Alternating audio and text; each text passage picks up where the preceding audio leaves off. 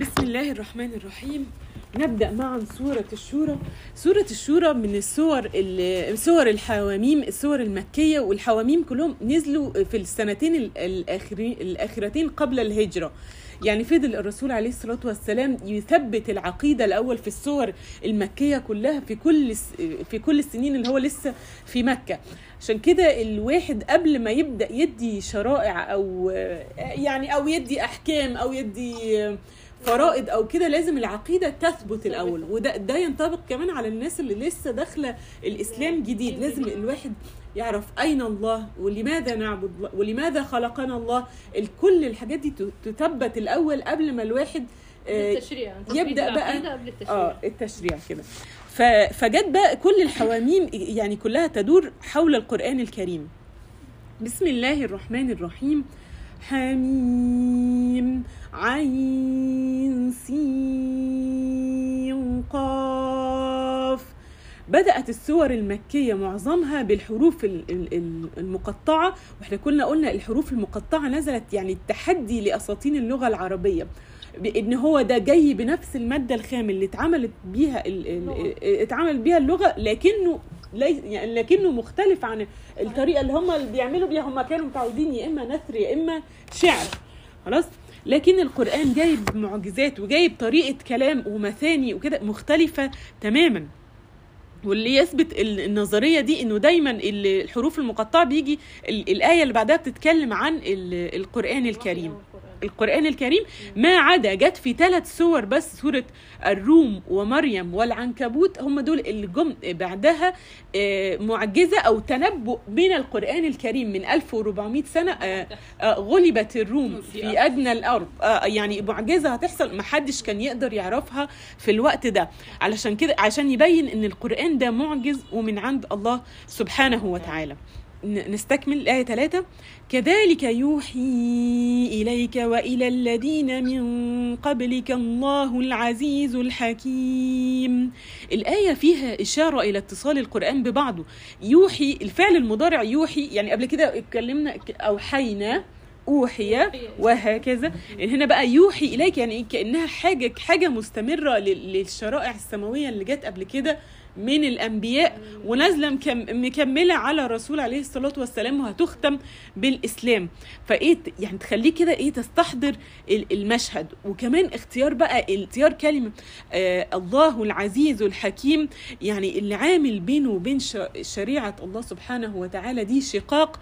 هو الخسران. يعني أنت أنت بتضيع نفسك أنت بتضيع نفسك كده. الشريعة مكملة و- والعزيز الحكيم يعني ربنا هو ده من اللي هيلتصق السماوية دي هو ده ليه العزة. ف- فيضيع نفسه بقى اللي يسيب ال- تكاد السماوات يتفطرن من من فوقهن والملائكة يسبحون بحمد ربهم ويستغفرون لمن في الأرض. آه، له ما في السماوات وما في الأرض وهو العلي العظيم. إن الآية فيها آه، إن آه، الله سبحانه وتعالى مالك الكون وملك الأكوان. إحنا كنا يعني إحنا كنا من كام من من كام من القرن بس اللي فات كنا فاكرين هو الم... إن في مجرات مجر... آه يعني فاكرها مجرة واحدة. مجرة درب التبانة هي دي هي دي ال- الوحيدة. وبعد كده عرفنا إن في مجرات وكل يوم بنكتشف حاجات تانية. فلما تيجي تعرف تكاد السماوات إنك تيجي تعرف له ما في السماوات وما في الأرض مالك الأكوان دي كلها؟ وهو العلي الكبير. الله سبحانه وتعالى يعني هو فوق فوق الجميع وأعلى من من أي سلطة أعظم من كل تنفيذية. ما أنت- ما أنت لازم أنت لازم عشان تتجه إلى الله سبحانه وتعالى بكل كيانك لازم تعرف عظمته صحيح. وقوته وإن هو العلي الكبير. العلي العظيم. والعلي العظيم. و- وجاء الثانية والعلي الكبير في في في مواضع تانية. فتكاد تكاد السماوات يتفطرن من فوقهن والملائكة يسبحون بحمد ربهم ويستغفرون لمن في الأرض. ألا إن الله هو الغفور الرحيم؟ تكاد السماوات يتفطرن تكاد السماوات تنشق. يعني وجت دي ك- يعني ما هي دي بقى هي جت في قبل كده في سورة مريم. خلينا ارجع لسورة مريم كده معانا. صفحة 300 311 آخر آية. و- آه، وقالوا اتخذ الرحمن ولدا.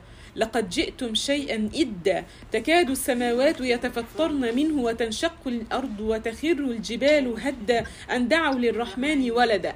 يعني ادعاء إن إن الرحمن له ولد أو الأب والابن والروح القدس أو الحاجات اللي بتتقال أو أي إله يعبد دون الله. أو أي إله يعبد بد- من دون الله. أو أي إله ليه آه، الصلاحيه إنه يعبد غير الله سبحانه وتعالى. دي دي ممكن تخلي انت إنت مش مدرك. آه مش مدرك خطورة اللي بيتقال ده. فالسماوات تكاد يتفطرن من من يعني شناعة القول دي. شناعة التكذيب بآية من آيات الله سبحانه وتعالى فعشان كده الملائكة يسبحون بحمد ربهم ويستغفرون لمن في الأرض الملائكة عارفين كده ويستغفرون للناس اللي في الأرض يعني. يستغفرون آه يستغفرون لينا لأن من شناعة الموقف الإعراض عن عن حكم الله سبحانه وتعالى. ألا إن الله هو الغفور الرحيم. بعد كل بعد كل ده إن ربنا يعني مع ربنا بيغفر لنا الحاجات البسيطه بس مش عايزين نتهاون من من شناعة القول إن إن يكون القرآن ده مش من عند الله أو إنه حصل له تحريف أو إنه اتضاف عليه حاجات واتشال من عليه حاجات. محدش يقول كده. أو إنه هو مش مناسب للعصر بتاعنا لأن هتيجي. تشريعات فيه يقول لك لا أصل ده كان مناسب من 1400 سنة. آه بس مش مناسب دلوقتي لا. يعني الحاجات دي في منتهى الخطورة ما ينف- ما ينفعش أصلا إن الواحد يقولها. والذين اتخذوا الآية رقم ستة اللي بعدها والذين اتخذوا من دونه أولياء الله حفيظ عليهم وما أنت عليهم بوكيل.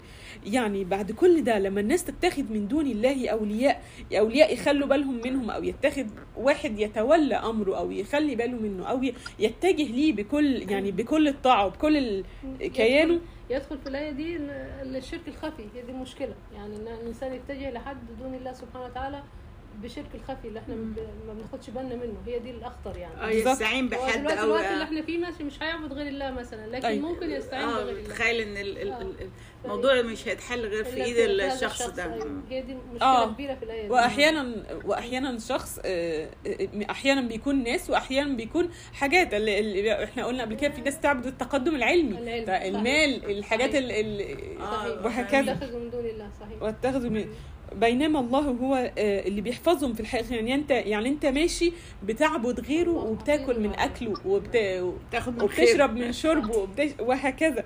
يبقى آه، يبقى يا محمد مالكش دعوة بيهم بقى. ما أنت آه، الله حفيظ عليهم. ربنا يعني عارف عارف هما بيقولوا إيه ومسجل كل حاجة.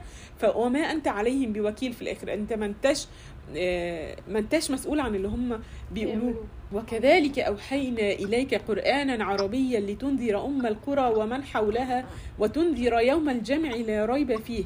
فريق في الجنة وفريق في السعير. كذلك يعني الوحي كأن الكلمة دي م- مكملة بقى. إحنا قلنا السور بتبقى ماشية كناس سلسلة مع بعض.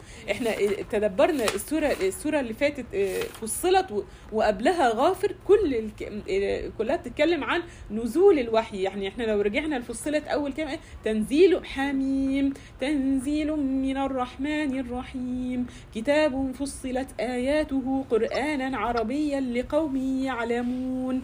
ده ده سورة فصلت. يعني هي ال ال القرآن ماشي. سلسلة مكملة لبعضها. قرآنا يعني إحنا لما نيجي نكل إحنا ساعات أصلا كانوا بيترجموا مثلا كلمة قرآن زي ما هي كده يكتبوها قرآن Q U R A N لا قرآن المفروض readable يعني حاجة تقرأ. يعني كتاب يقرأ. كتابا يقرأ. عربيا عربيا لأن قلنا اللغة العربية كانت اللغة الوحيدة اللي تستحمل آه، ظاهرة القراءات مثلا ظاهرة القراءات. العشر إن هي كل كلمة ليها قراءة مختلفة ولكنها غير متضادة في يعني المعنى. قراءة مكملة في المعنى. نزلت ليه دول أهل المغرب بيقرأوا مثلا بقراءة عشان- ورش عن نافع آه. وكل القراءات اتقالت على لسان الرسول عليه الصلاة والسلام عشان ده كان سؤال اتسأل في إحدى ال- في إحدى الحلقات يعني هل هم ناس اجتهدوا العلماء إنهم يعملوا كده؟ لا الرسول العشر أقرأهم بالسبع ال- قراءات، الرسول عليه الصلاة والسلام أقرأهم بالسبع قراءات عشان تناسب كل مجموعة من الناس كل لسان لتنذر أم القرى اللي هي مكة ومن حولها يعني وما ينتشر الكلام للعالم كله عشان ما حدش يجي يقول ده كان مناسب للمجموعة اللي حول الرسول عليه الصلاة والسلام بس في الوقت ده. لا ده مناسب ومن حولها للعالم كله. وتنذر يوم الجمع لا ريب فيه. يعني بتأكيد شديد ما فيهوش شك يوم الجمع يوم ي- ي- يعني يجتمع ال- الظالم بالمظلوم الر- الرئيس بالمرؤوس اللي, اللي افترى على حد هيجتمع باللي افت... بال... وسابه وراح بلد تانية وهكذا. لكن يوم القيامة هيجمع. هيجمع. هيجمع ف... فكل فكل دول هيجمعوا مع بعض يوم القيامة. ولو شاء الله لجعلهم هيبقى في طريقين إما جنة وإما نار ما فيش غيرهم. آه, آه فريق في الجنة وفريق في فريق. في الجنة الإنسان وف... لازم يبقى يعرف هو مع أنهي فريق. آه. في حياته في وهو مستمر في الحياة لازم يبقى ماشي على أنهي طريق اللي هيوصله للفريق اللي هو عايزه. بالظبط دي كده. برضه مهمة يعني. بالظبط كده. وده عشان ود... الواحد ملهاش ثالث هي إما كذا اما نار وإما. جنة.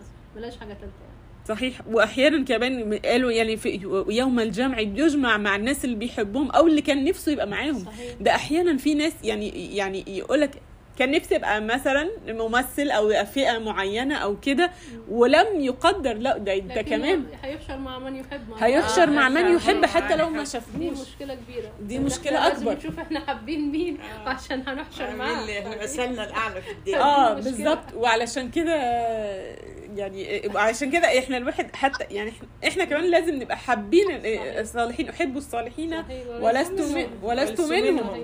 آه حتى لو أنا ما الحب شفتهم الإنسان عايزه فعشان ربنا مع يجمعنا. بيهم يوم القيامة. وعلى- وفي نص صريح ولكم في رسول الله أسوة حسنة. صحيح. عشان الواحد يبقى دايما أسوته في الدنيا أيوة. الرسول. ولو شاء الله لجعلهم أمة واحدة ولكن يدخل من يشاء في رحمته.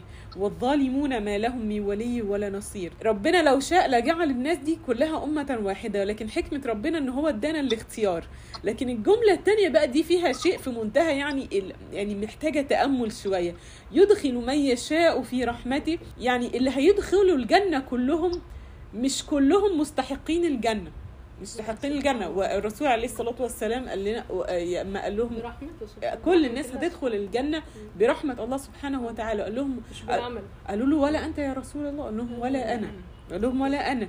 ولكن اللي هيدخل السعير أو ال- آه، أو النار لازم يكون مستحق مستحق بقى لل يعني جات له كل السبل إن هي ربنا يهديه ولكنه استحق ما لهم من ولي ولا نصير. خلاص يعني ده هو استنفذ كل الوسائل إن هو يخرج من من الجريمة أو يعني أيوه. أو هكذا. بس يعني ف- ممكن يكون دخول الجنة برحمة الله سبحانه وتعالى لكن دخول النار باستحقاقه بعمل بعمل الإنسان. بالظبط. آه ف... استحقاق لما عمل يعني. آه فلأن ربنا قال رحمتي سبقت غضبي. يعني في ناس كتير ربنا هيغفر لها وفي ناس يكتب لها حسن الخاتمة في في الآخر برحمة من الله سبحانه وتعالى. لكن الواحد لازم يكون متأكد ما يسيبش نفسه بقى إن هو يبقى مستحق مستحق مستحق. ده يعني إيه؟ ده من رحمة ربنا إن اللي هيدخل فعلا النار ده يعني منتهى واصل لمرحلة بعيدة جدا. والظالمون ما لهم من ولي ولا نصير. عشان كده الظالمين اللي هيدخل بقى اللي هيستحق العذاب آه، آه، يوم القيامة مش مش هيبقى ليه ولي ولا نصير ولا حد يدافع عنه. أم اتخذوا من دونه أولياء؟ فالله هو الولي وهو يحيي الموتى وهو على كل شيء قدير. مكملة للكلمة اللي بعدها أنتوا اخدتوا اتخذتوا أولياء في الدنيا. خدتوا أولياء في الدنيا مش هينفعوكم في الآخرة. عادة كانت آيات القرآن بتيجي قبل كده يعني هي ال- الكلمة ال- الآية التانية دي تيجي قبل الأولانية. آه، إن انت هتاخدوا أولياء في الدنيا هتاخدوا أولياء في الدنيا فيوم القيامة هيجي مالكمش ولي ولا نصير. لكن هنا والظالمون ما لهم من ولي ولا نصير في الآخرة. وبعدين جت بقى إن هي رجع كده فلاش باك بيهم في آه. الدنيا. هم اتخذوا من دونه ليه أولياء. ملهمش ولي ولا نصير في الآخرة؟ عشان هم اتخذوا في الدنيا أولياء من- لا. يستحقون من دون الله لا سبحانه وتعالى. والله هو الولي بس. الله هو القادر. أنا أنا لما أجي أ- يعني أتخذ حد ولي مسؤول عني وكده لازم أنا بختار حد قادر. قوة قادر. وهو يحيي الموتى. وهو على كل شيء قدير يبقى اذا هو هو الوحيد المستحق بحاجة زي كده. فيعني بلاش بقى إن أنا إيه أنزل بالمستوى بقى يعني آخد حاجة أضعف منه آه لا ده ربنا بيكشف لك حقيقة الأمور. القرآن لما الواحد يقراه بتدب بتمعن يكشف لك حقيقة الأمور. إذا كانت هي باينة إن دول اللي, اللي دول آه أفلم يسيروا في الأرض فينظروا كيف كان الذين من قبلهم أشد آه، كانوا. أشد منهم قوة وآثارا في الأرض. وبعدين خلاص دلوقتي بقوا تراب وبقوا ولا حاجة. فيكشف لك حقيقة الأمر أن الله هو الوحيد المستحق لأن هو يحيي الموتى وهو على كل شيء قدير. وما اختلفتم فيه من شيء فحكمه إلى الله. ذلكم الله ربي عليه توكلت وإليه أنيب.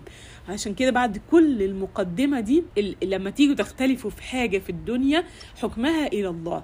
ليه؟ لأن لأن هو ال- اللي عالم بيكم وعالم بالتشريع السليم. على لسان النبي صلى الله عليه وسلم مأمور إنه يخاطب الناس أن المشرع هو الله وعليه يتوكل وينيب. في في وذلكم. الله ربي عليه توكلت وإليه أنيب. أتوكل بقى أنا على الله في كل حاجة حتى لو أنا مش مقتنعة بيها بال, بال يعني آه، بعلي يعني؟ بعقلي. يعني إحنا ال ال اليهودية جت دين مادي. كل حاجة بالعقل. خلاص؟ جت بعد ال- ال- ال- روحانيات فيها الرو- الروحانيات فيها أعلى. المسيحية جت الروحانيات فيها أعلى ويعني المهم بس الواحد يؤمن ويعمل يمشي مش عارفة إيه ملهاش علاقة بال بالأعمال وهكذا. ال الإسلام بقى جه جمع بكل. بقى جمع ده. آه وكذلك جعلناكم أمة وسطا. أمة وسطا مهتم بال- بالمشاعر الإنسانية وكمان بالأعمال والأعمال يعني الإيمان والعمل الإيمان والعمل يعني إحنا الذين آمنوا وعملوا الصالحات كل الذين اقترن آمنوا. الذين آمنوا بالعمل. الصالح. ف ف ارجع له في كل حاجة في الشرع فاطر السماوات والأرض جعل لكم من أنفسكم أزواجا ومن الأنعام أزواجا يذرأكم فيه ليس كمثله شيء وهو السميع البصير يعني ده يعني ده يعطيكم طريقة التكاثر والذرية. يعني هو اللي خلق السماوات والأرض وجعل لكم من أنفسكم أزواجا ومن الأنعام أزواجا. يدرأكم فيه ده دي الطريقة السليمة للتكاثر والذرية وتعمير الأرض.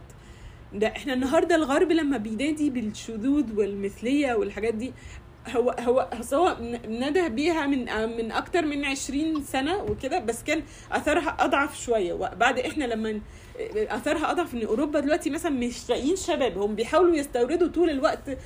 مش في دعوات إن المهندسين والدكاترة والمش عارف يجوا من الدول العربية. ما هو دلوقتي بقى عندهم كبار السن هم الأكبر. ما فيش شباب. مفيش أطفال كمان. ما فيش أطفال. إن هو كل كل كله مركز يقول لك لا اني هم يعني دلوقتي بقى ترند إن مركز على ال الإنسان نفسه.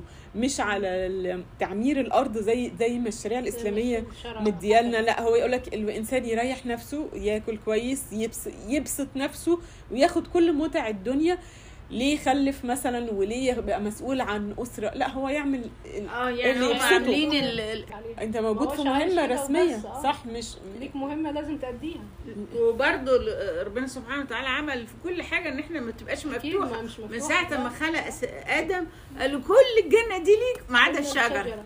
وبرضه آه. ما فسرش ليه الشجرة لكن هو برضه عشان عارف إن هيلف ده كله وياكل من عشان لازم يبقى الإنسان في حاجة توقفه. بالظبط. فهي. ربنا سبحانه عامل لكل حاجة سقف إن هو ليه حدود. ركرمه دي حاجة. واللي, واللي, واللي لما شفنا اللي, اللي اللي عايش حياته بدون سقف للحرية زي ما قلتي بيوصلوا لإيه؟ ما هو بيوصلوا ل... لنوبات انتحار. أصل أنت لو واحد عارفة ما بتبقى بتوصل لمرحلة خلاص مفيش حاجة. عج- كل حاجة. خلصت آه. كل حاجة. ما هو واحد كان ومفيش قيمة. فهي دي الطريقة السليمة في في تعمير الأرض يدرأكم فيه. ليس كمثله شيء وهو السميع البصير. ربنا هو ليس كمثله شيء. مفيش حاجة تقارن. ده ده يعني كان ممكن ال- الجملة تكون ليس مثله شيء ولكن أض- أضيفت كلمة كمثله شيء. يعني مفيش حاجة شبه اللي اللي زيه أصلا. يعني مفيش حاجة تقارن بيه عشان نقول إن في حاجة شبهه أصلا. ده مفيش حرف في القرآن الكريم زائد. كل حرف بيؤثر على المعنى. ليها ليها معنى. بكل آه كل حرف بي بيزود المعنى. له مقاليد السماوات والأرض. يبسط الرزق لمن يشاء ويقدر. إنه بكل شيء عليم. له مفاتيح السماوات والأرض. ليه كل ليه كل حاجة آه، النهارده يدي كل واحد اختباره النهارده. النهارده فتنه فتنتك إن أنت معاك فلوس كتير. واللي جنبك فتنته إنه معاه- معهوش فلوس. النهارده أنت فتنتك إنك معاك منصب كبير ومتحكم في مصائر متحكم في مصائر الناس والتاني فتنته إن هو ضعيف في الأرض ومستضعف أو وقع عليه ظلم وهكذا. ف... فده ده النهارده واحد عنده صحة وواحد ما عندوش كل ده نوع من أنواع الرزق اللي يبسط من عند الله سبحانه وتعالى ويقدر وكل واحدة وكل حاجة فيهم دي جواها اختبار. إنه بكل شيء عليم. عالم بقبل الحاجة وعالم بقبل ببعد الاختبار هيكون نتيجته إيه؟ نستكمل معا تدبر سورة الشورى من الآية 13 آه، واضح جدا إن إحنا لسه في الحواميم السور المكية بتتكلم عن الشريعة لسه. واضح إن السورة لسه بتربط بين شرائع ربنا شرائع الله سبحانه وتعالى وترجعهم آه، آه، وترجعهم ان إن الشرائع كلها هي مصيرها إلى الإسلام كلها. يعني خلينا لو رجعنا لآية 3 وآية 7 آية 3 آه، كذلك يوحي إليك وإلى الذين من قبلك الله العزيز الحكيم. خلاص؟ وفي آية سبعة وكذلك أوحينا إليك قرآنا عربيا لتنذر أم القرى ومن حولها وتنذر يوم الجمع لا ريب فيه. فريق في الجنة وفريق في السعير. يبقى لما السورة هنا بتتكلم عن ال- الشرع الشرع معناها لغة يعني إيه؟ شرع الطريق أو سن القوانين. مهد طريقا أو سن القوانين. القوانين دي لمصلحتنا لمصلحة البشرية. فشرعنا شرعنا جميعا هو يعني الكلام بقى على لسان الرسول عليه الصلاة والسلام أو يعني موجه للرسول شرع لكم من الدين اللي إحنا لسه في آية 13 شرع لكم من الدين ما وصى به نوحا والذي أوحينا إليك وما وصينا به إبراهيم وموسى وعيسى. كل الشرائع دي كانت بتدعو لحاجة واحدة بس أن أقيموا الدين ولا تتفرقوا فيه. أن أقيموا الدين الدين هو عبارة عن ط- يعني إيه الدين هو آه، عبارة عن طريقة الحياة. يعني آه، لما جت كلمة الدين قبل كده في سورة يوسف ما كنا لنأخذ آه، في دين الملك. يعني دين الملك أو طريقة الملك أو شرع الملك. خلاص؟ فمش العيب إن إحنا نتف- نتفرق في الآراء الاراء ال- آه، آراء الأئمة أو مش عارف إيه. لا لكن إن إن كل الشرائع دي إحنا المفروض تتجمع كلها في الإسلام. أي حد نزل عليه كتب سماوية مؤمن بيها بحق ربنا كان لازم يؤمن بالإسلام في الآخر. خلاص؟ ف ولكن ولكن كبر على المشركين ما تدعوهم إليه. صعب على المشركين اللي أنتوا بتدعوهم إليه ال ال ال الشرع ربنا ده. ليه؟ لأن الشرع ده كان بيدعو إلى ال- العدل والمساواة بين الناس. كان في الشرع ده بيدعو ان إن مفيش غ... مفيش حد أحسن من حد. مفيش حد له له الأفضلية على حد. علشان كده في ناس يعني كرهها كرهها للإسلام واتباعه. عشان المساواة وعشان كبر نفس مش مش أكتر. الله يجتبي إليه من يشاء ويهدي إليه من ينيب. يعني ربنا بقى بيجيب ال- ال- اللي هيتجه إلى الله سبحانه وتعالى وينيب إحنا قلنا الإنابة إلى الرجوع. وإحنا كنا قلناها قبل كده في سورة في سورة صاد الإنابة اللي اتكررت فيها سورة ال- العودة إلى الله. العودة إلى الله. اللي هيرجع إلى الله ربنا إيه؟ هيكرمه وهيجتبيه ويختاره. وما تفرقوا إلا من بعد ما جاءهم العلم بغيا بينهم. ولولا كلمة سبقت من ربك إلى أجل مسمى لقضي بينهم. وإن الذين أورثوا الكتاب من بعدهم لفي شك منه مريب. يعني العلم ممكن يخلي الواحد يطغى. في ناس ممكن يعني إنها ما ترجعش العلم ده لربنا فممكن يخليها تشت ما ده ما دي في دول حصل معاها كده. تعبد الت- التقدم العلمي. تعبد أو تقول لك يعني تعبد الإنسانية تعبد مش عارف إيه. فان إن الواحد يرجع يعني يرجع العلم والعلوم الفيزيائية والعلوم كده إنها سبحانه ربنا سبحانه وتعالى هو اللي منزلها. هو ده هيك- يبقى هتمشي في نفس الاتجاه اللي ربنا عايزنا نمشي فيه. لكن إذا أنت شتيت وخليتها في في اتجاه تاني وإن إحنا اللي عرفنا العلم ده وإن إحنا اللي ال- نسبت لنفسك. نسبت لنفسي آه خلاص؟ اذا ولولا كلمة سبقت من ربك إلى أجل مسمى لقضي بينهم. ربنا قدر إن إحنا الأمة دي الوحيدة اللي هيؤجل الفصل ما بينهم. ليوم القيامة. وإن الذين أورثوا الكتاب من بعدهم لفي شك منه مريب. هنا يا زي في إشارة كده خفية للناس اللي أورثوا الكتاب يعني اللي أورثوا الكتاب آه، آخر كتب سماوية اللي هي ال- الإنجيل وال الإنجيل والتوراة. وانتوا ورثتوا كتاب من من الله سبحانه وتعالى بيتكلم على نفس التوحيد. الشك اللي أنتوا فيه في ناس ما لما بتيجي تشك أو تدور على الحقيقة ما بتبقاش فعلا بتدور هي بتدور عشان تلقط الحقيقة. يعني علشان كده دول دول لا في شك منهم مريب هيفضل وهيفضلوا في نفس الشك بتاعهم. لكن في ناس حقيقية ودول ناس بنشوفهم برضو في الغرب لما تيجي لما تيجي تدور على الحقيقة وبتدور فعلا بقلبها بتوصل للحق. بتوصل للحق اسلام إسلام حقيقي. بيسلموا إسلام حقيقي. لأن هو فعلا بيبقى عايز يوصل للحق مش عايز إن هو آه، كأنه الأمر يرجع للنيات كانت شكلها إيه النية النية في العمل كان شكلها إيه بالظبط كده آه.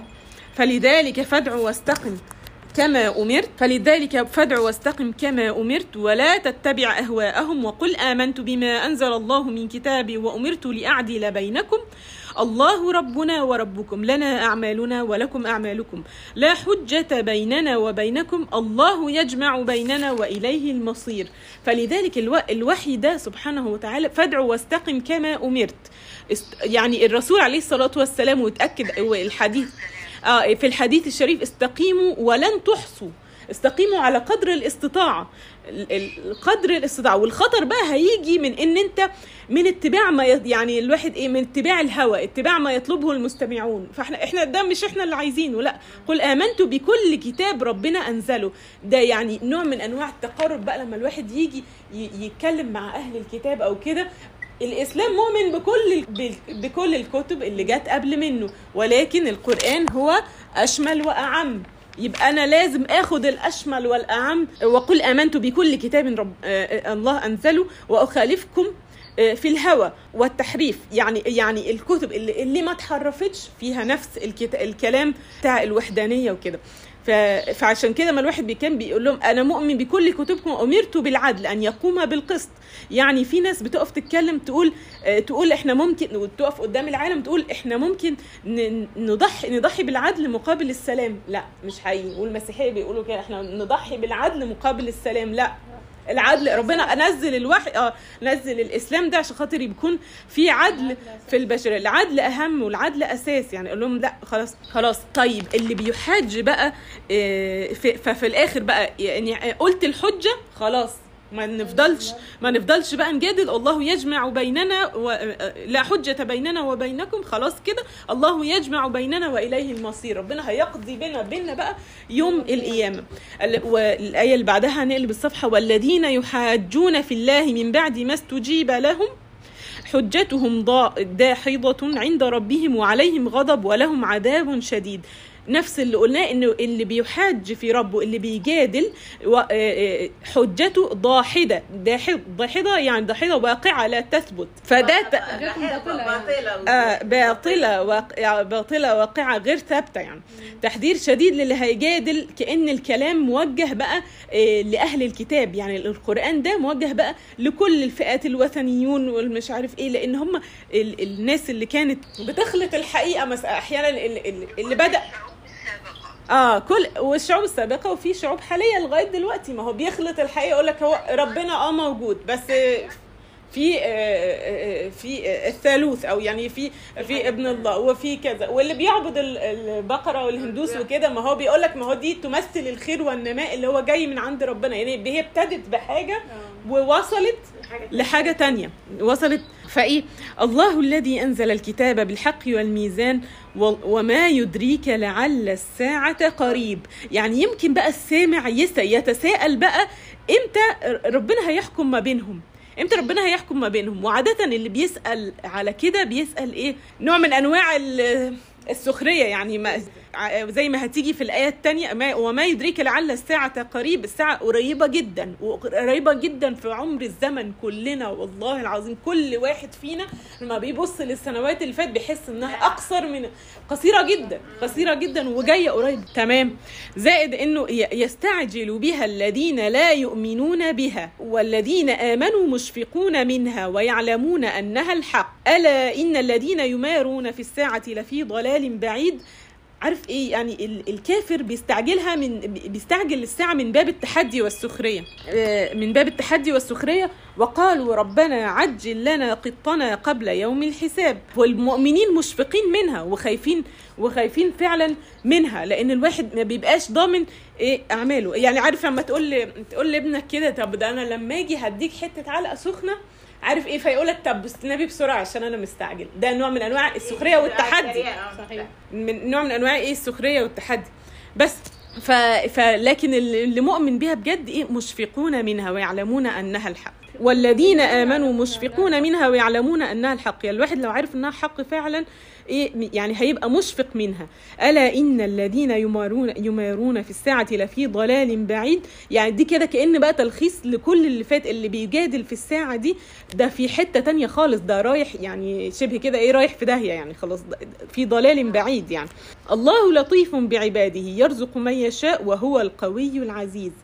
يعني انتقلنا في حتة بقى. آه النبرة بقى كانت إيه؟ النبرة كانت عالية خالص. يعني القرآن ده لما الواحد يقراه كده آه، بتركيز يلاقي نبرة الصوت ساعات تبقى عالية تهديد ووعيد وبعدين تنزل خالص تهدأ خالص. وبعدين هدي تحقق مصالح العباد بطريقة خفية. ربنا بيرزق كل واحد بطرق مختلفة خالص. الرزق ما هوهاش على حسب الإيمان والكفر. آه فالرزق مش على حسب الإيمان والكفر لكن ياما يعني ي- ياما ناس كفروا. ياما ناس وربنا ياما ناس كفروا وربنا رزقهم وياما ناس مؤمنين آه، ويعانوا من الفقر لكنه على حسب الابتلاء. ولكن هل ده هل ده ربنا يعني يعني ده ما يخليكش يقول لك لا ربنا مضطر يعمل لك كده؟ لا ده وهو القوي العزيز. هو الله سبحانه وتعالى هو هو اللي ليه ال- القوة في الرزق دي.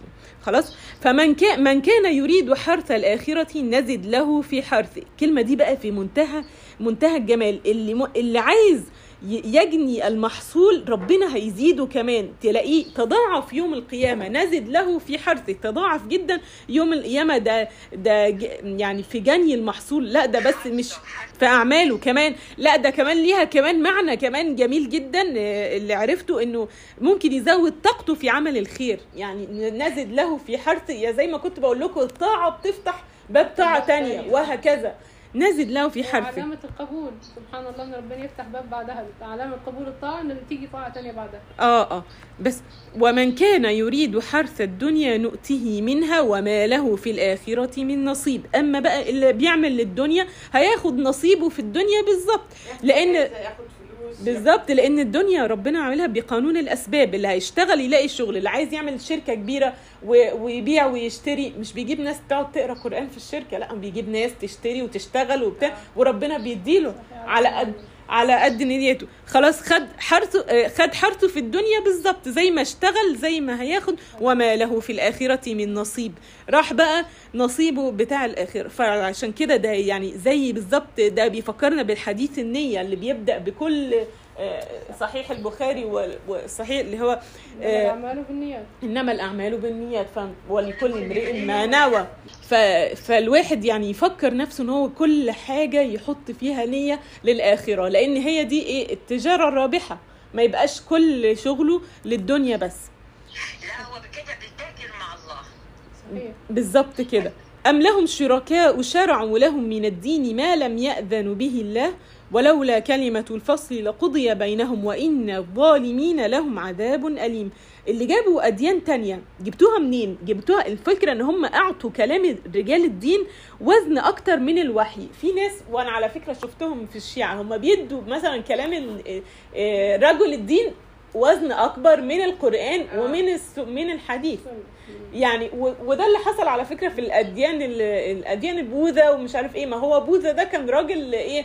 متدين. آه. راجل مت... يعني راجل متدين بيقعد وبعد كده بدأ هو كلامه اللي يتمحور بقى العملية بقى إيه؟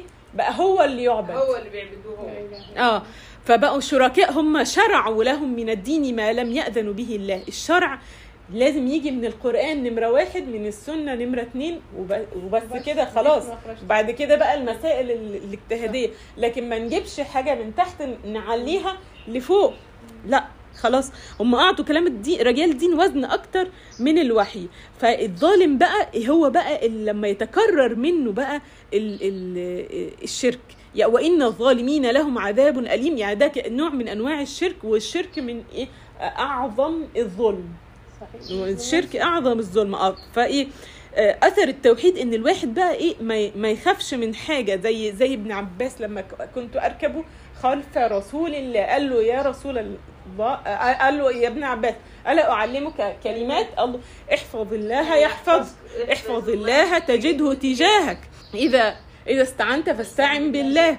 وهكذا. بس فإن الواحد يعرف إن شرع ربنا هو الأصل ما أنا أنا خلصت هنا آخر آية بس أحب ألخص كل اللي فات. الواحد ان إن عشان ما يحصلش اختلاط يمكن إحنا عندنا المعاني دي ممكن تكون ثابتة شوية بس على فكرة في أجيال جديدة وفي ناس لسه قدنا. المعاني دي ممكن تختلط معاهم وتيجي تقول لا ده في رأي بيقول كذا وفي رأي بيقول كذا. صحيح. لكن إحنا لازم نكون عارفين إن الشرع جاي من القرآن نمرة واحد. القرآن والسنة بعد كده. السنة نمرة اتنين اللي بتفسر لنا صح. حاجات من القرآن وبتدي بعد تفسير كده اجتهاد الأئمة برضو تبع القرآن والسنة. بالظبط كده. فما أجيش أجيب حاجة من تحت إيه وطلع لفوق. بس 22 أعوذ بالله السميع العليم من الشيطان الرجيم. بسم الله الرحمن الرحيم. ترى الظالمين مشفقين مما كسبوا وهو واقع بهم. والذين آمنوا وعملوا الصالحات في روضات الجنات. لهم ما يشاءون عند ربهم. ذلك هو الفضل الكبير. آه نيجي بقى إيه؟ آه مشفقين من حصيلة كل حاجة عملوها. يعني إحنا ال- الآية دي بتوصف بقى إيه؟ يوم يوم القيامة. يوم القيامة ال- الظالمين مشفقين. الواحد يعني بيبقى مخضوض من حاجة اللي اكتسبها مش بس اللي عملها اكتسبها بقى نظرات كلام أعمال مش عارفة إيه. اتخضوا من الآخرة. ولكن نتيجة الإشفاق ده نتيجة الإشفاق ده هو واقع بهم. برضو العذاب واقع بهم. هنا بقى يعني عشان ده القرآن مثاني زي يعني بيجيب لك حالتين عكس بعض. لو رجعنا فوق لآية 18 اللي هي يستعجل بها الذين لا يؤمنون بها والذين آمنوا مشفقون منها ويعلمون أنها الحق. يعني الذين آمنوا كانوا مشفقون من الساعة آه، وهم في الدنيا. وإشفاقهم ده كان ممكن يغير الحقيقة. إشفاقهم ده وخوفهم كان يخليهم آه، يتقوا الله أكتر يعملوا أعمال صالحة أكتر يخافوا يعملوا حاجات. فكان ممكن يغير الوضع لكن الإشفاق من الساعة يوم القيامة خلاص مش هيغير أي حاجة من الوضع. وهو واقع بهم. والع... يعني فهو وا- واقع بهم العذاب فما فيش حل فال... فالواحد لازم يكون مدي الحاجة. يعني يشفق من. من قيام الساعة وانه وإنه قدام أمر جلل ما. يعني ما يستهونش بيه وهو في الدنيا والذين آمنوا وعملوا الصالحات في روضات الجنات الذين أشفقوا بقى اللي هم اللي كانوا فوق وآمنوا وعملوا الصالحات هيوصلوا بقى إن هم يوصلوا لروضات الجنات لهم ما يشاءون عند ربهم وكمان اختلف هنا ده ده هنا اختلف كمان في بعض المصاحف فيها وقف هنا في كلمة لهم ما يشاءون. أي حاجة يعني يطلبوها لأنه آه، أحيانا من بلاغة اللغة يعني إنه لما يجي حرف جر آه، آه، بعدها لهم ما يشاءون. عند ربهم دي معناها إيه؟ مثلا لهم ما يشاءون عند أحمد مثلا أو يعني محدودة بالحد. ولكن هنا لكن ربنا غير الأمثلة ما لا تضرب عليه ال- آه ما تمشيش عليه القوانين ال- ال- الدنيوية واللغوية. عند ربهم إذا كل حاجة عند ربنا لا محدودة. ذلك هو الفضل الكبير. ذلك هو الفضل الكبير. يعني هو ده بقى أحسن أحسن حاجة ما من, من قبلها من آيتين من في آخر الآية 20 اللي هو من كان يريد حرث الدنيا نؤتيه منها وما له في الآخرة من نصيب. يعني ده قارن ده بقى باللي تحت اللي الفضل الكبير. بقى اللي اشتغل على نفسه ليه فضل كبير. آه الآية التالية ذلك الذي يبشر الله عباده الذين آمنوا وعملوا الصالحات. قل لا أسألكم عليه أجرا إلا المودة في القربى ومن يقترف حسنة نزد له فيها حسنا إن الله غفور شكور. البشرى هنا يعني واحد تحمل آه، أخبار حلوة. أول واحد بيقول لك هبشرك يبقى لك معناها هجيب لك أخبار حلوة. ومصداقية الخبر دايما بتيجي من المخبر المخبر. من مصداقية. مخبر. ولما يكون بقى يبشر الله عباده. يعني المخبر الذي يبشر العباد. ال- الله الله سبحانه وتعالى يا رب يجعلنا منهم من المبشرين يا رب. عباده الذين آمنوا وعملوا الصالحات. يبشرهم بقى إنه في أخبار حلوة ليهم يوم القيامة. قل لا أسألكم عليه أجرا إلا المودة في القربى ال- ال- الكلام للرسول عليه الصلاة والسلام آه، رسول زي زيه زي كل الأنبياء قالت لا أسألكم عليه أجرا. آه، خلينا نقول دي الأول إن كل الأنبياء كل الرسل قالوا لا أسألكم عليه أجرا إلا إلا اتنين. حد يعرف مين هم؟ اللي ما وردش أبدا في قصتهم إن هم قالوا الجملة دي. قولي تاني السؤال. آه، سؤال. كل الرسل قالوا ل... آه، قالوا لا أسألكم عليه اجرا إلا رسولين. سيدنا إبراهيم سيدنا إبراهيم ومين تاني؟ وسيدنا موسى. آه. ليه بقى؟ لأن سيدنا إبراهيم مثلا كان من أوائل الناس اللي بيدعوها عمه اللي هو كان أصلا ليه فضل عليه. آه. يعني إن هو رباه عمه أو اللي هو ابيه أبيه أو عمه يعني مش عارفين اختلف التفاسير. بعمه كأنه أخذ الأجر مسبقا كأنه يعني و- وسيدنا موسى نفس الكلام لما بيدعو فرعون ولقد ربيناك. فينا وليدا. آه. آه. يعني فكأنه أخذ الأجر الأجر مسبقا. لو كان قال الكلمة دي كان يقول لك أنت اوريدي يعني إحنا يعني لينا فضل عليك. ولكن فايه بقية الرسل كلها قالت بقية الرسل كلها قالت الرسول هو اللي رد بقى المودة في القرآن إلا المودة في القربى يعني هنا بقى يعني احسن أحسن أجر ياخده الرسول عليه الصلاة والسلام إن أنت تتقرب إلى الله. إلا المودة في القربى يعني واحد اما يعلم واحد السواقة كويس قوي ويقول له آه أنا مش عايز منك فلوس أنا عايز كل اللي أنا عايزه إن أنت تخلي بالك من نفسك أو إن أنت توصل سليم هو ده اللي أنا عايزه. المود التودد إلى الله بالقربى هو ده الأجر اللي الرسول عليه الصلاة والسلام طلبه لأمته. ف وده وده يعني من من أحلى الحاجات من أحلى الخطابات اللي اتقالت الرسول عليه الصلاة والسلام لينا إحنا كمسلمين غير غير بقية ال- الأمم. ف فما ومن يقترف حسنة نزد له فيها في حسنا. تفسير كان قال إن هي محبة أهل بيته. محبة في حد آل بيت. قالت الحتة دي فسرها إن هي محبة أهل بيته. صحيح. أيوه صحيح هو كان ليها فعلا أربع آه، تفسيرات. أربع أحمد. تفسيرات مم. وأكتر من تفسير آه.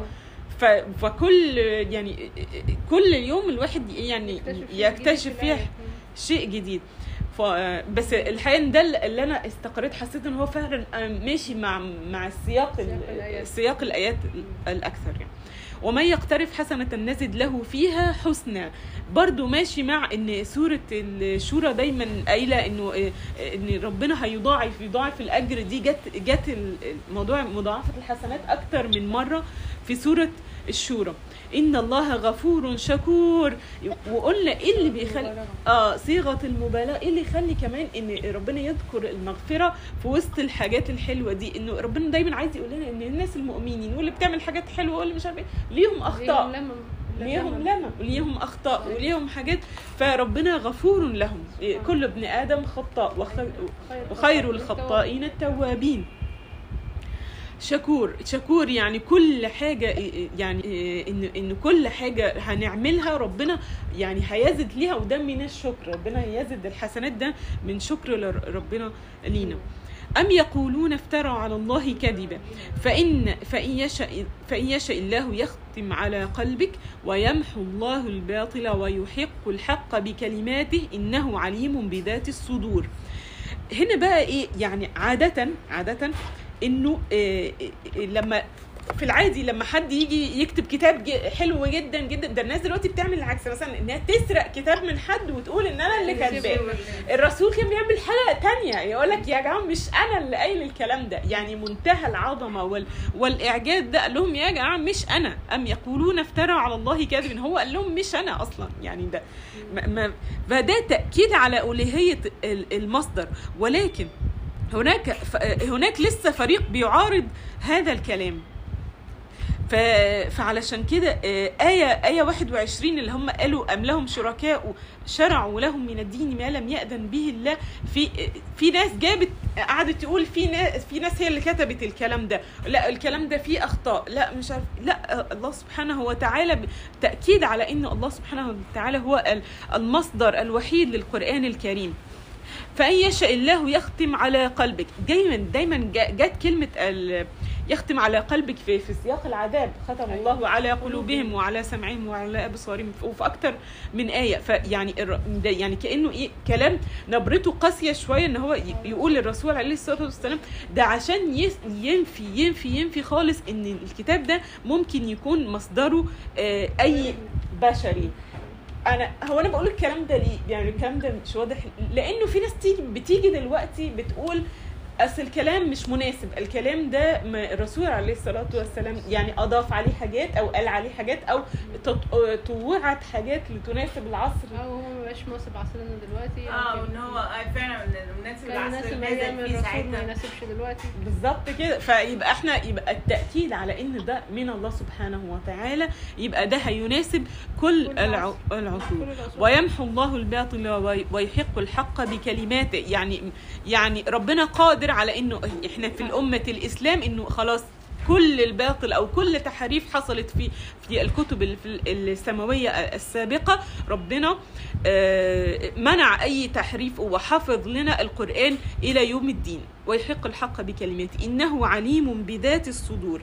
ويعلم نوايا آه، الناس اللي بتكابر عشان خاطر مش فاهمة ولا اللي بيحاول آه، بيحاول يفهم وهو مش فاهم يعني في حد لما بي بي بيجي يقف قدام شبهة هو بيدور بنيه فعلا إن هو يوصل يوصل للحق ليوصل للحقيقة. ومن ومن ومن الحاجات ومن التصرف السليم إن إحنا ما نديش ظهرنا للشبهات. إن إحنا الواحد لما يجي شبهة وتعرض قدامه يدور ليها على الرد السليم عشان يتحقق يتحقق منها ليه ولغيره. آه، ويعرف يرد عليه عشان ليه ولغيره. ف... ف... وبعد كده الآية التالية بقى يجي دايما الكلام بقى عن التوبة وهو الذي يقبل التوبة عن عباده ويعفو عن السيئات ويعلم ما تفعلون. تاني نفس الكلام يجي الكلام عن التوبة بعد آيات العذاب آيات العذاب وآيات النبرة الشديدة كلها يجي بعدها آيات توبة جميلة والعفو من الله سبحانه وتعالى. العفو أشمل كمان من المغفرة من المغفرة لأنه بيمحو خالص إيه إيه الذنب يعني كأنه خلاص إيه يعني المغفرة يعني المغفرة الفرق بين الغفر. يغرر يعني يقر عليك ذنبك وبعدين يغفر لك لكن العفو. هو خلاص يمحى تماما. آه. يمحى تماما. ويعلم ما تفعلون. ويعلم ما تفعلون. يعني ربنا عالم كل واحد كان نيته إيه لما لما بيعمل آه الكلام ده. و ويستجيب الذين آمنوا وعملوا الصالحات ويزيدهم من فضله والكافرون لهم عذاب شديد. معظم آه، يعني آه، يستجيب الاستجابة دي استجابة دي يعني التوبة أصلها يعني التوبة إن إن إن ربنا سبحانه وتعالى يلهم العبد التوبة الأول وبعدين الع- العبد ياخد التوبة دي ويقدمها تاني إلى الله والله سبحانه وتعالى يستجيب له. آه، يعني آه، في في في قصة سيدنا آدم فتلقى آدم من ربه كلمات فتاب عليه إنه هو التواب الرحيم. يعني آه، إن الأول إن ربنا يلهم إزاي يتوب؟ آه يلهم ال- البني آدم التوبة وبعد كده ربنا يست... فيست... ويستجيب الذين آمنوا وعملوا الصالحات وبعد كده ربنا يزيدهم كمان من فضله.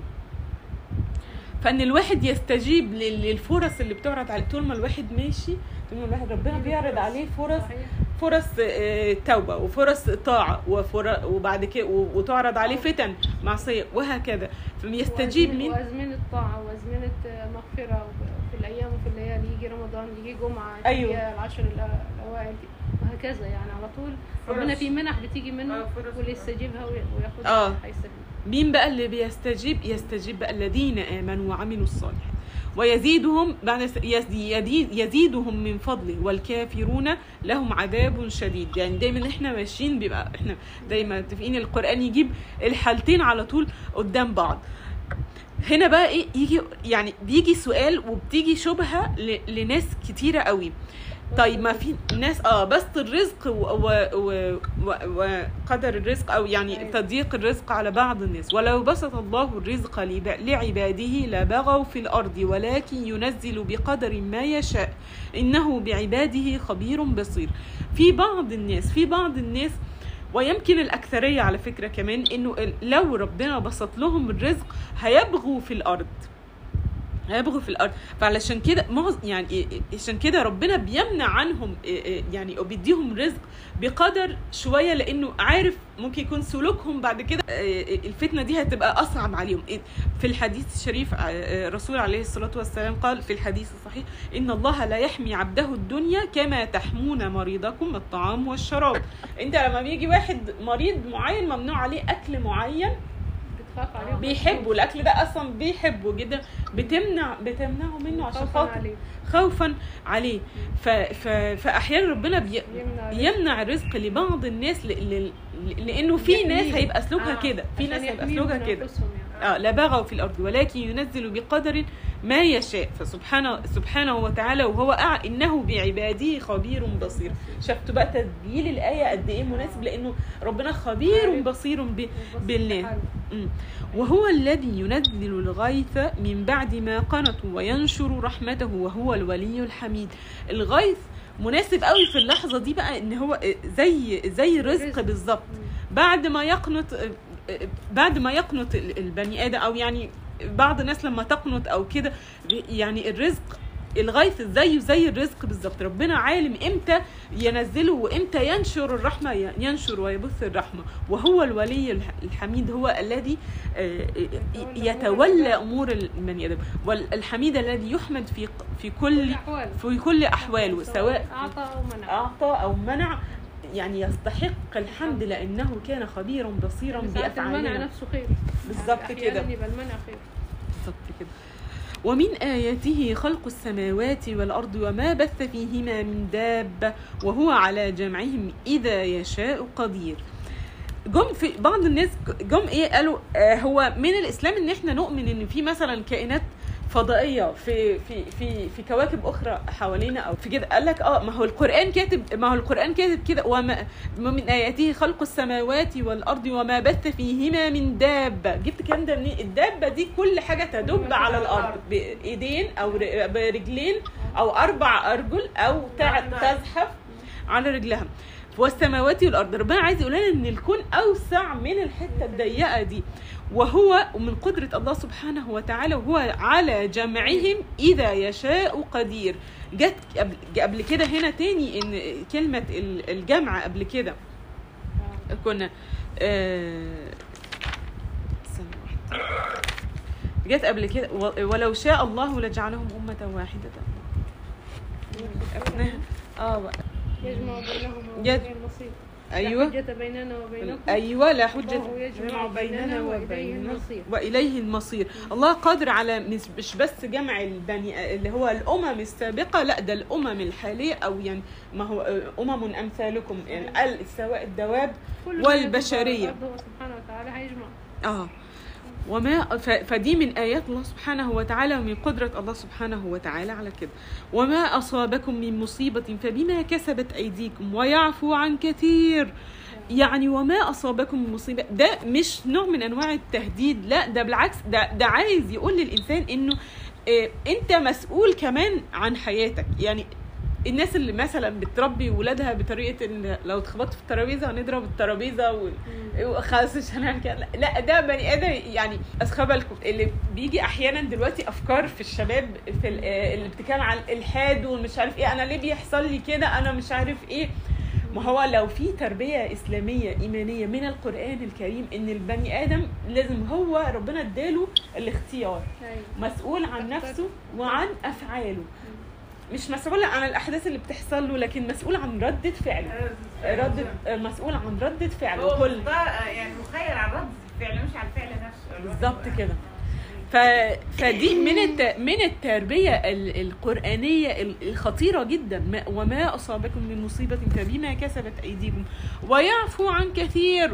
يعني نوع. بيبقى نوع من أنواع آه، ال- المصيبة انواع من الاختبار أو من أنواع آه، عشان ترفع درجات أو الحب الابتلاء هيأدبك ما هو الإنسان لما يعني أبوك بيحبك بيمنعك من. بيمنعك من شيء ما هو بيحبك يعني على أساس الحاجات دي هتضرك هو ربنا سبحانه وتعالى وله المثل الأعلى ال- المصيبة دي ممكن ترجع الإنسان للخير يعني لازم ياخد يتقرص ودنه يعني. بالظبط كده. يعني الآية 30 دي كأنها يعني إيه متفرعة من آه، من آه، 27 ولو بسط الله الرزق لعباده لبغوا في الأرض ولكن ينزل بقدر ما يشاء إنه بعباده خبير خبير بصير. إن ربنا هو ربنا بعد ما هو يبقى خبير بال- بالعباد ويدي لكل واحد ال- السكة اللي هيمشي فيها كمان بقى مسؤول إن البني آدم يمشي في السكة بالطريقة الصح. يمشي بالطريقة الصح. ف وما أنتم الآية التالية وما أنتم بمعجزين في الأرض وما لكم من دون الله من ولي ولا نصير. يعني أكبر واحد في الدنيا واغنى واحد يعني يعني عندنا مثال ان إحنا في ال- في الكورونا دي مات أكتر من 32 ملياردير من أ- من أغنى أغنياء العالم. والله من أغنى أغنياء العالم اللي ك... آه لا. وما أنتم ودي بجد تمثل تمثلها الآية دي تماما. وما أنتم بمعجزين في الأرض. ما. ما قدروش بفلوسهم ولا بك... يحموا نفسهم. قدام فيروس لا يرى بالعين المجرده يعني منتهى آه آخر وما لكم من دون الله من ولي ولا نصير. بالظبط عشان كده آه، وما لكم من دون الله من ولي ولا نصير. تكملة الآيات في صعب ومن آياته الجوار في البحر كالأعلام وإن يشأ إن يشأ يسكن الريح في فيظللن رواكد على ظهره. إن في ذلك لآيات لكل صبار شك شكور. أو يوبقهن بما كسبوا ويعفو عن كثير. السورة برضو بت- بتؤكد تاني على مسألة الولاية والإعجاز إن الله سبحانه وتعالى هو اللي متوليك وحافظك يعني إيه إنه بحر كامل؟ ما يشيلش حبة رزاية لكن يشيل حاجة كبيرة قوي. مركب ماشية سفينة كبيرة ماشية. سفينة كبيرة ماشية جدا ماشية ب- ب- بأشكالها المختلفة. أنا أنا لما كنا في تركيا ركبنا عبارة كبيرة قوي فيها بقى مطاعم وعربيات راكنة مجموعات من العربيات والأتوبيسات ومش عارف يعني إيه. صفوف كده الناس قاعدة يعني لا يقل عن 20 واحد تك تك وما ما- فوق حاجات. مطابخ مطاعم مش عارفة قاعات أكل وقاعات ان وكده. قاعدة في, مدينة أو بلد. أيوه بالظبط كأنها. مدينة كاملة. جو فوق المية. مين اللي عمل قانون الطفو العجيب ده؟ اللي بقولك المية ما تشيلش رزايه قد كده أو حتة مسمار وتشيل حاجة زي وتشيل حاجة زي كده. دي حاجة ده, ده بالمثال الكبير والمثال أقل شوية من آياتي. دي ما كانتش ظهرت أيام الرسول عليه الصلاة والسلام لكن ومن آياته الجواري في البحر كالأعلام. الجواري الحاجات الجارية في في البحر كالأعلام. الأعلام زي العلم اللي بيرفرف يعني ال- العلم اللي بيرفرف اللي هي. السفن الشراعية اللي بال بالقماش اللي هو مج... بيبقى حاطط مجموعة قماش كده. يشأ يسكن الريح فيظللن رواكد على ظهره. الناس اللي بتشتغل في البحر وفي التجارة عارفة الم- المثال ده ممكن يعني يمسها كويس قوي. أيوة. آه، إنه إنه لو الريح سكنت الدنيا تقف ولو بينقل بضاعه أكل وبينقل بضاعة فاكهة ولا مش عارف إيه الدنيا هتقف خالص. إن في ذلك لآيات لكل صبار شكور اللي يتفكر في الآيات دي إن كله بإيد الله سبحانه وتعالى هيشكر الله سبحانه آه وتعالى على نعمه. أو يوبقهن بما كسبوا ويعفو عن كثير. أو أو أو شوية هوا أزيد من اللازم. هيقلب هيقلب الحاجة و ويوبقهن يهلكهن بما اقترفوا ويعفو عن كثير. فالقرآن لما بيجي يجيب أمثلة يجيب لنا أمثلة من الأرض ومن الجو ومن الحاجات كل. لأن إحنا مختلفين. فكل واحد مننا ياخد المثل اللي يناسبه بالظبط. ويشرح عليه حاجة. المثل بيناسبه بيمسه أكتر. تمام. نبدأ في الآية 35 ويعلم الذين يجادلون في آياتنا ما لهم من محيص. ما ينفعش ناخد إحنا اتفقنا إن إحنا ما ينفعش ناخد الآية ونطلعها من سياقها كده مرة واحدة. اذا إحنا في عشان نفهم كويس الآية دي بتتكلم عن إيه خلينا نرجع ثلاث ثلاث أو أربع آيات كده لورا. يعني آه ابدأ كده اقرأ معايا من أول الآية 29 ومن آياته خلق السماوات والأرض وما بث فيهما من دابة وهو على جمعهم إذا يشاء قدير. وما أصابكم من مصيبة فبما كسبت أيديكم ويعفو عن كثير. وما أنتم بمعجزين في الأرض وما لكم من دون الله من ولي ولا نصير ومن آياته الجوار في البحر كالأعلام إن يشأ يسكن الريح فيظللن رواكد على ظهره إن في ذلك لآيات لكل صبار شكور أو يوبقهن بما كسبوا ويعفو عن كثير. خدنا بالنا إن مجموعة الآيات دي كلها عبارة عن آيات كونية خطيرة جدا. يعني أعد... يعني ربنا يوصف لنا الآيات ال... الأحداث اللي ممكن آه، تحصل للبني آدم في نفسه. وما أصابكم من مصيبة فبما كسبت أيديكم ويعفو عن كثير. وما أنتم بمعجزين في الأرض. حاجات اللي ممكن تحصل لك انت في نفسك واللي بيحصل في السماء وفي الأرض وما بث فيهما من دابه واللي بيحصل في المية وقوانين الطفو زي ما اتكلمنا المرة اللي فاتت كل ده ليه بقى؟ كل ده عشان نوصل للآية 35 ويعلم الذين يجادلون في آياتنا ما لهم من محيص إحنا عارفين من أول آه، من أول سورة الشورى إنه الجدال في آيات الله سبحانه وتعالى السورة بترد بترد عليه. الناس دي اللي بتجادل ليس لهم إلا الله. وعشان كده كلمة يع ويعلم اتقرت في في أكتر من قراءة ويعلموا بال بال آه، بالضم الميم آه، الضم. يعني وهنا في قراءة حفص ويعلم الذين بتتقري بالفتح.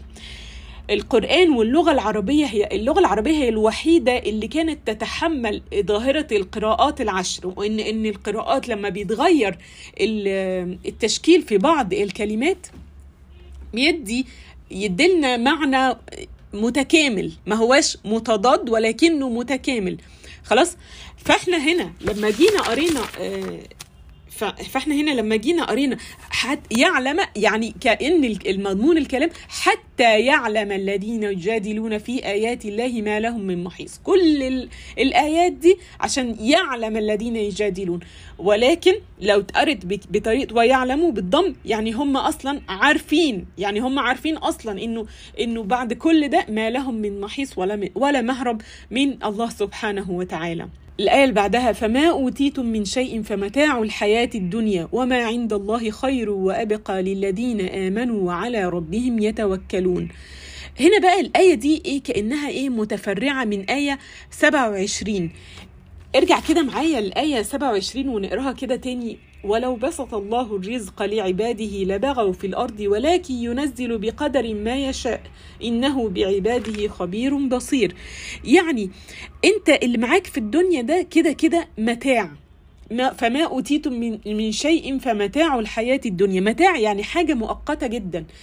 أي حاجة سواء أنت كنت من الناس اللي ربنا بسط لك الرزق أو أو اداك الرزق بقدر ففي الحالتين هي حاجة مؤقتة جدا جدا في الدنيا. إحنا إحنا كلمة متاع دي يعني بتستخدم في السفر وفي المطارات لاجتش أو متاع يعني كأنها حاجة أنت شايلها في الرحلة بتاعتك يعني حاجة مؤقتة. خلاص؟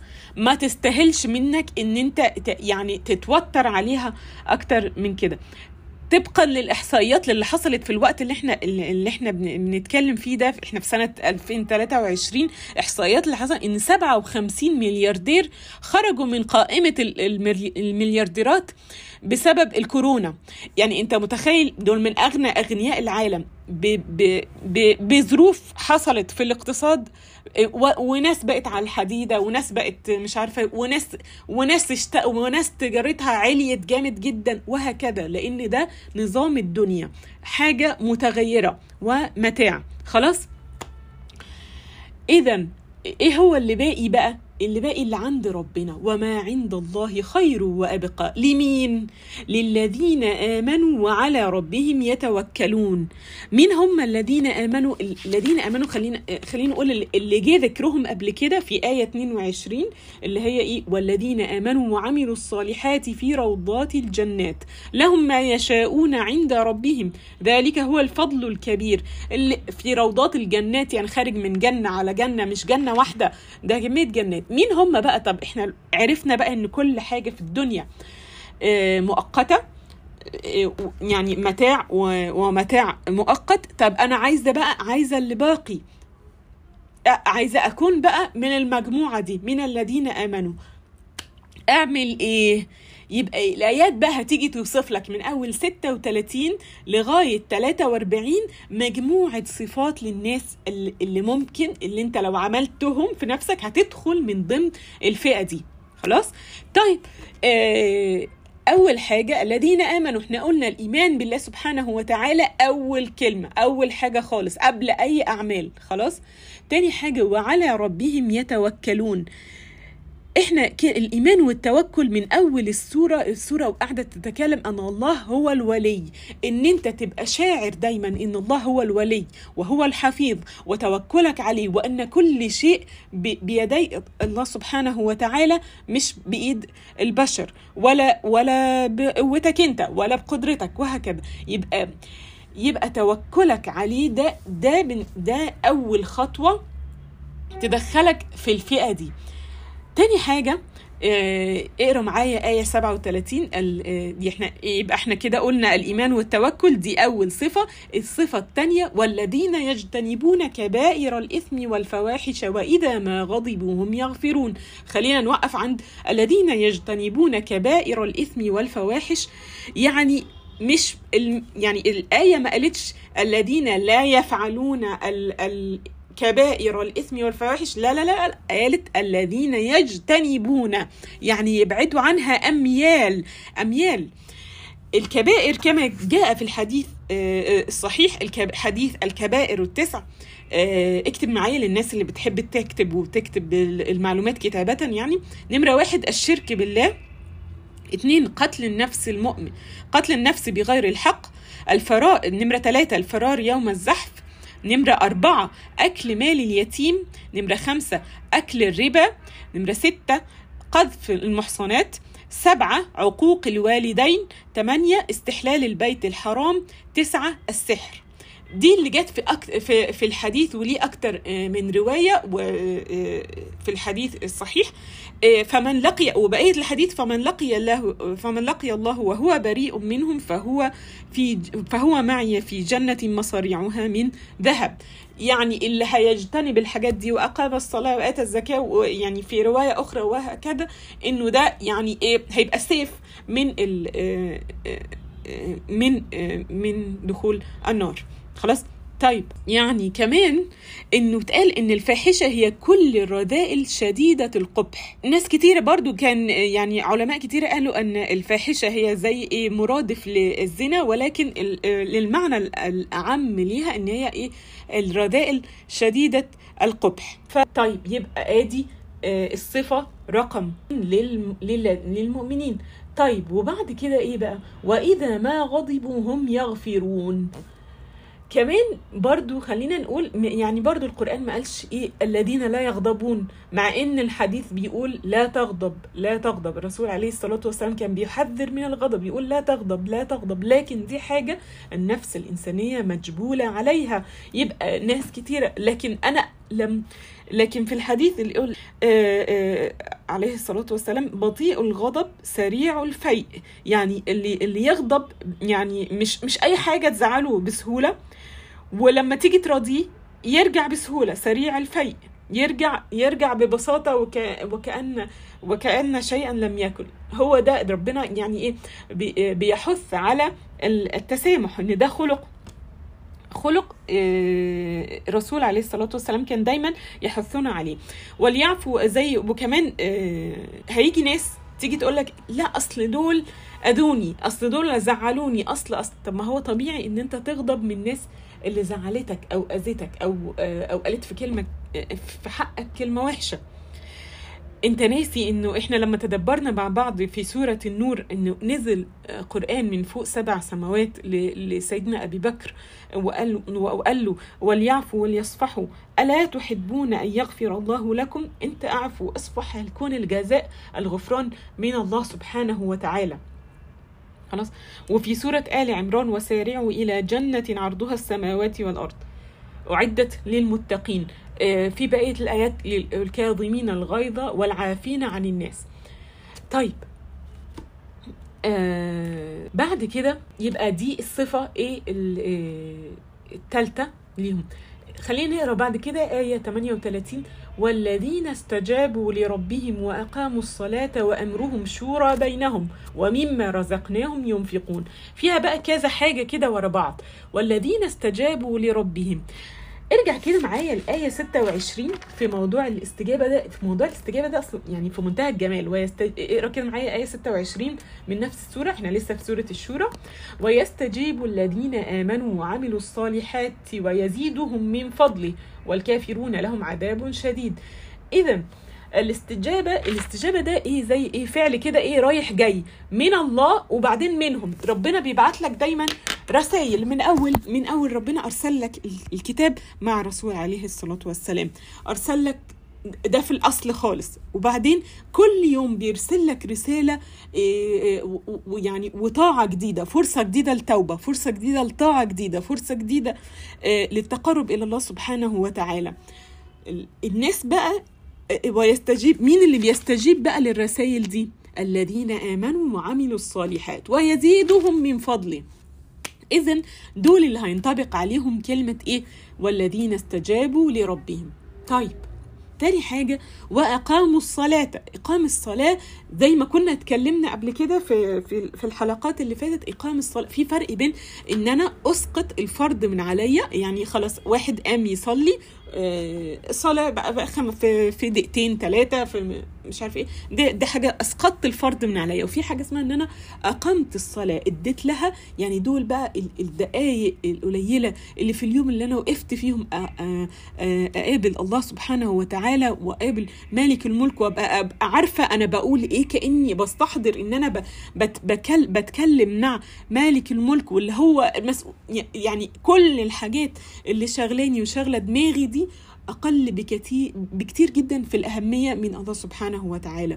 ده اسمه اقام الصلاة. اديتها وقتها اديتها الخشوع حضرت المكان حضرت نفسي. خلي بالك أنت عشان توصل للخشوع لازم برضو تحضر ال- الشكل الظاهري. تلبس تلبس لبس حلو تقابل بيه ملك الملوك تحضر المكان وهكذا. كل ده هيعينك على إيه؟ الخشوع في الصلاة وده هيكون ليه حلقة منفصلة هنبقى إيه آه، يعني هنرفعها قريب على آه، آه، على القناة بتاعتنا. خلاص؟ طيب. وبعد كده وأمرهم شورى بينهم. وهنا بقى علشان إيه اتسمت ال- ال- ال- السورة باسم الشورى الشور ال- ال- القرآن هو أو, أو الدين الإسلامي دايما يحث على مبدأ الشورى. الرسول عليه الصلاة والسلام مع إنه نبي مرسل من من الله ولكنه في في في أمور في الأمور الحيا- الحياتية وإقامة دولة المدينة وهكذا كان دايما يستشير أصحابه لأنه الإسلام دايما يحث على مبدأ الشورى. خلاص؟ ده كان بيستجيب ده كان كان معين آه، السيدة أم سلمة كانت مستشارة سياسية. فمبدأ الشورى محتاج أنت تعمله في شركتك وجوه بيتك تلم تلم أولادك كل كام يوم وتاخد رأيهم. إنما الاستبداد بالرأي ما هواش ابدا من الإسلام. إن أنا أقول لاولادي هو كده وإنك هو كده وأنا شايف بس كده لأ. مش مش من الأصل مش من الأصل إن أنت آه، تستبد برأيك. خلاص؟ بعد كده ومما رزقناهم ينفقون. عادة كانت في العادي خالص في معظم.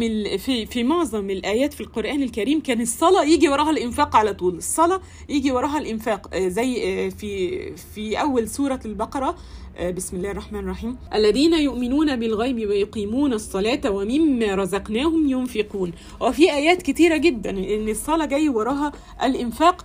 بس زرعت المرة دي الشورى في وسط ال... الصلاة والإنفاق علشان خاطر أهميتها. خلاص؟ طيب.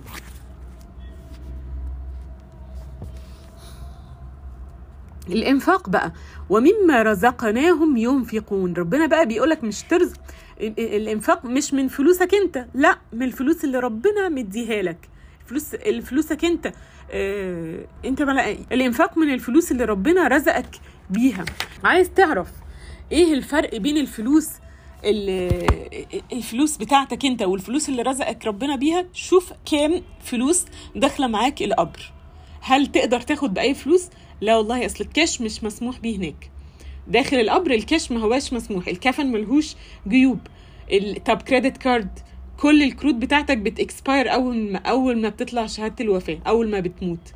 طيب إيه إيه النظام اللي شغال بس؟ عشان انتقل من الدنيا للآخرة التحويل التحويل. وزي ما كنا قلنا على موضوع ال- التحويل ده قبل كده في الحلقات اللي فاتت التحويل البنكي. إحنا هنا في الدنيا عشان نحول الفلوس من بلد لبلد من مكان لمكان. آه، انت بتحول آه، 100 بتوصل كام؟ آه، 99 مثلا أو 95 دول كام؟ إيه اللي نقصوا دول transaction fees صح كده؟ لكن لكن آه، التحويل مع ربنا لا ليه نظام تاني خالص. انت بتبعت المية بتوصل 700 أو 7000 أو 10000 بت... و... و... وإلى 700 ضعف. صح كده؟ يعني هنا مع الله سبحانه وتعالى التحويل بي... بيضاعف. خلاص؟ فالإنفاق من من أكتر أهم من من أهم الحاجات من أهم الحاجات. عشان كده دايما يجي ورا الصلاة ودايما يبقى في دماغك الكونسبت ده إنه الفلوس مش بأنفقوا مما, آه، مما جعلكم مستخلفين فيه. يعني الفلوس دي مش بتاعتك ربنا جعلك مستخلف فيها. الشطارة بقى إن أنت فعلا تخليها بتاعتك في الآخرة.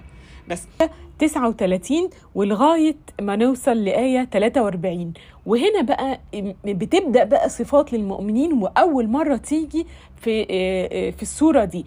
آه، اقروا معايا كده. أعوذ بالله السميع العليم من الشيطان الرجيم. بسم الله الرحمن الرحيم. والذين إذا أصابهم البغي هم ينتصرون. أول مرة بقى يجي إن آه، إنه من صفات المؤمنين اللي ربنا بيحث عليها إنه اللي يصيبه البغي ينتصر. يعني إيه ينتصر؟ يعني يطلب الانتصار. يعني يطلب إن هو ياخد حقه يمشي ورا حقه لغاية ما ياخده. هنا في بقى إيه زي يعني هنا بقى جه الإسلام صحح مفهوم موجود عند أديان تانية يعني مكتوب فيها من لطمك على خدك الأيمن فحول له الآخر. ده لأ ال- الإسلام في أن أن العين بالعين والسن بالسن والجروح قصاص. خلاص؟ أخطر شيء في الدنيا إن الظالم لا يعاقب. وحتى لو لو أنت الظالم أخذ منك حاجة حد أخذ منك حاجة والحاجة دي اللي راحت منك دي ما أنتش محتاجها لو سمحت ما تتهاونش فيها إلا بعد ما تبقى قادر تاخدها. لأن ده هيبقى فساد في المجتمع. خلاص؟ الصحابة والرسول عليه الصلاة والسلام لما مشوا من مكة وبعدوا عن مكة 450 كيلو راحوا المدينة وأسسوا دولة إسلامية والدنيا هديت خالص وخلاص بقوا قوة وأسسوا جيش وكل ده نزلت لهم الآية إيه بقى؟ أذن للذين يقاتلون أنهم ظلموا وأن الله على نصرهم لقدير. راحوا راجعين جالهم الإذن تاني إن هم ياخدوا حقهم تاني. كانوا بدأوا حياة جديدة ومع ذلك بعدها بسنين ربنا أذن لهم إن هم يقتصوا من اللي حصل من من التعذيب اللي حصل لهم قبل كده ومن الاضطهاد. يعني يع- يساعدوا بعض عشان ينتصروا. دي من ضمن الأسباب اللي بيتهاجم عشانها الإسلام كتير إن الإسلام دين مش بيتعايش مع الفساد والمقاومة والمقاومة يعني مقاومه يعني حاجة متأصلة في في المؤمنين اللي المفروض ان إن أنت تقاوم إن ما يتاخدش منك حقك. خلاص؟ التصدق بحقك للظالم ده هيفسد العالم. آه، آه، القصاص أو يعني آه، القصاص ده هو اللي بيقفل دايرة دايرة الظلم. هم عايزين الدين يبقى يعني يعني الدين عايزين الدين الإسلامي يبقى, يبقى في المسجد بس ويبعد عن تنظيم الحياة وده ما ينفعش. خلاص إحنا في في في آية في الآية في سورة المائدة وكتبنا عليهم فيها أن النفس بالنفس والعين بالعين والأنف بالأنف والأذن بالأذن والجروح قصاص. فمن تصدق به فهو كفارة له. لسه هنشرح بعد شوية التصدق بقى هيبقى إزاي. ولكم في القصاص حياة يا أولي الألباب. يعني القصاص ده هو اللي بيقفل دايرة الظلم اللي بيمشي في الدنيا. طيب آه يعني إحنا هنا يعني مثال صغير أنا اديتكم مثال سابق على ال- المسلمين آه المسلمين بعد ما سابوا مكة ورجعوا لها والمثال دلوقتي الفلسطينيين اللي هم الفلسطينيين اللي محتلهم دولة أقوى منهم بجيش أقوى منهم بتكنولوجي أقوى منهم ومع ذلك لسه بيقاوموا عشان عندهم آية بتقول والذين إذا أصابهم البغي هم ينتصرون. خلاص؟ انت بالمقومات وبالحاجات اللي في إيدك انت بتحاول تاخد حقك اللي اعتدي عليه.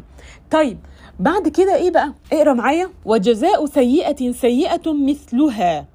يعني انت لما يجي حد في في يجي حد ياخد منك حاجة هنا لا انت تاخد حقك زي ما هو بالظبط مش تزود عليه. حد الجروح الجروح قصاص الأصل إن انت جرحك جرح طوله 2 سم ما تجرحوش جرح طوله 4 سم لا زيه بالظبط. العين بالعين والأنف بالأنف والأذن بالأذن. ما يبقاش فيها ظلم. فمن عفا وأصلح فأجره على الله. إن الله إنه لا يحب الظالمين. خلاص جبت الظالم ده جبت ال- اللي اخذ منك الحق ده تحت إيدك وبقيت قادر عليه في اللحظة دي أنت مخير. مخير ما بين ما بين إنك تعفو وتتصدق عليه أو إنك تاخد الحق فعلا منه وتنتقم. إنه لا يحب الظالمين. الظالمين بقى ما تظلمش بإن أنت تدوس عليه وتاخد أكتر من حقك. ولمن انتصر بعد ظلمه فأولئك ما عليهم من سبيل. هيجي ناس تقول لك لا أنا مش هقدر ده قتل ده قتل ابني. يعني يعني في الدول في الدول ال- في الدول الغربية اتلغت عقوبة الإعدام. خلاص؟ يقول لك أنتوا لسه الدين الإسلامي؟ بيقول لك ال- القتل يقتل.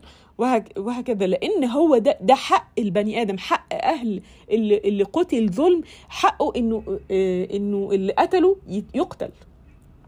خلاص؟ وإنه لما بيتاخد منه الحق ده بتفضل فيه غصة شديدة. مش كل واحد يقدر يسامح في حد حد واحدة ابنها اتقتل ظلم أو حاجة. ال- اللي اللي يخليها اللي يخليها تسامح كده من غير ما تبقى من غير ما تبقى قادرة إن هو ينفذ فيه ع- عقوبة الإعدام. يعني ولكن إيه إيه في في في آخر سورة المائدة اللي آه، قريناها فمن تصدق به فهو كفارة له. والله أنت قادر بعد كده تتصدق؟ كويس. زي سيدنا ابي أبي بكر لما لما لما خلاص منع في لما حد تكلم في في على على بنته في حادثة الإفك وربنا نزل له من فوق سبع سماوات آه، وليعفوا وليصفحوا ألا تحبون أن يغفر الله لكم؟ خلاص هو كان قادر إن هو سيدنا أبي بكر كان قرر إن هو يوقف فلوس الصدقات على على على واحد آه، آه، من اللي اتكلموا آه، على بنته. ولكن في اللحظة دي انت مخير بين انك تتصدق أو لا. وده مش عليه حاجة. إنما السبيل على الذين يظلمون في يظلمون الناس ويبغون في الأرض بغير الحق أولئك لهم عذاب أليم اللي يظلم بقى الناس ويبغي. ويحبس ناس. ويعذب هو ده بقى أولئك لهم عذاب أليم ده بغير حق ولم... ولمن صبر وغفر إن ذلك لمن عزم الأمور خلي بالك في ناس فاكرة إن موضوع إن الصبر ده حاجة سلبية كده إن أنا آخد يعني آخد آخد ضرب على قفايا كده وأنا وأنا سايبة أقول خليهم معلش أنا أصل أنا متسامح أصل لا لا لا لا لا لا التسامح ما هوش كده خالص. التسامح إن أنت أنت ات- إت- اتنصب عليك أنت تروح تاخد تجيبه لغاية ما تاخد حقه. في اللحظة دي بقى لما خلاص يجي تحت طائلة إيدك في اللحظة دي أنت تقدر تتسامح وتغفر. وهو ده هيكون من عزم الأمور فعلا وده هيكون حاجة تتطلب قوة ومقاومة شديدة لشهوة الانتقام. وهو ده ال- الصبر إيه؟ اللي الرسول عليه الصلاة والس- والسلام يحثنا عليه والقرآن. بس بس على الذين يظلمون الناس ويبغون في الأرض بغير الحق أولئك لهم عذاب أليم.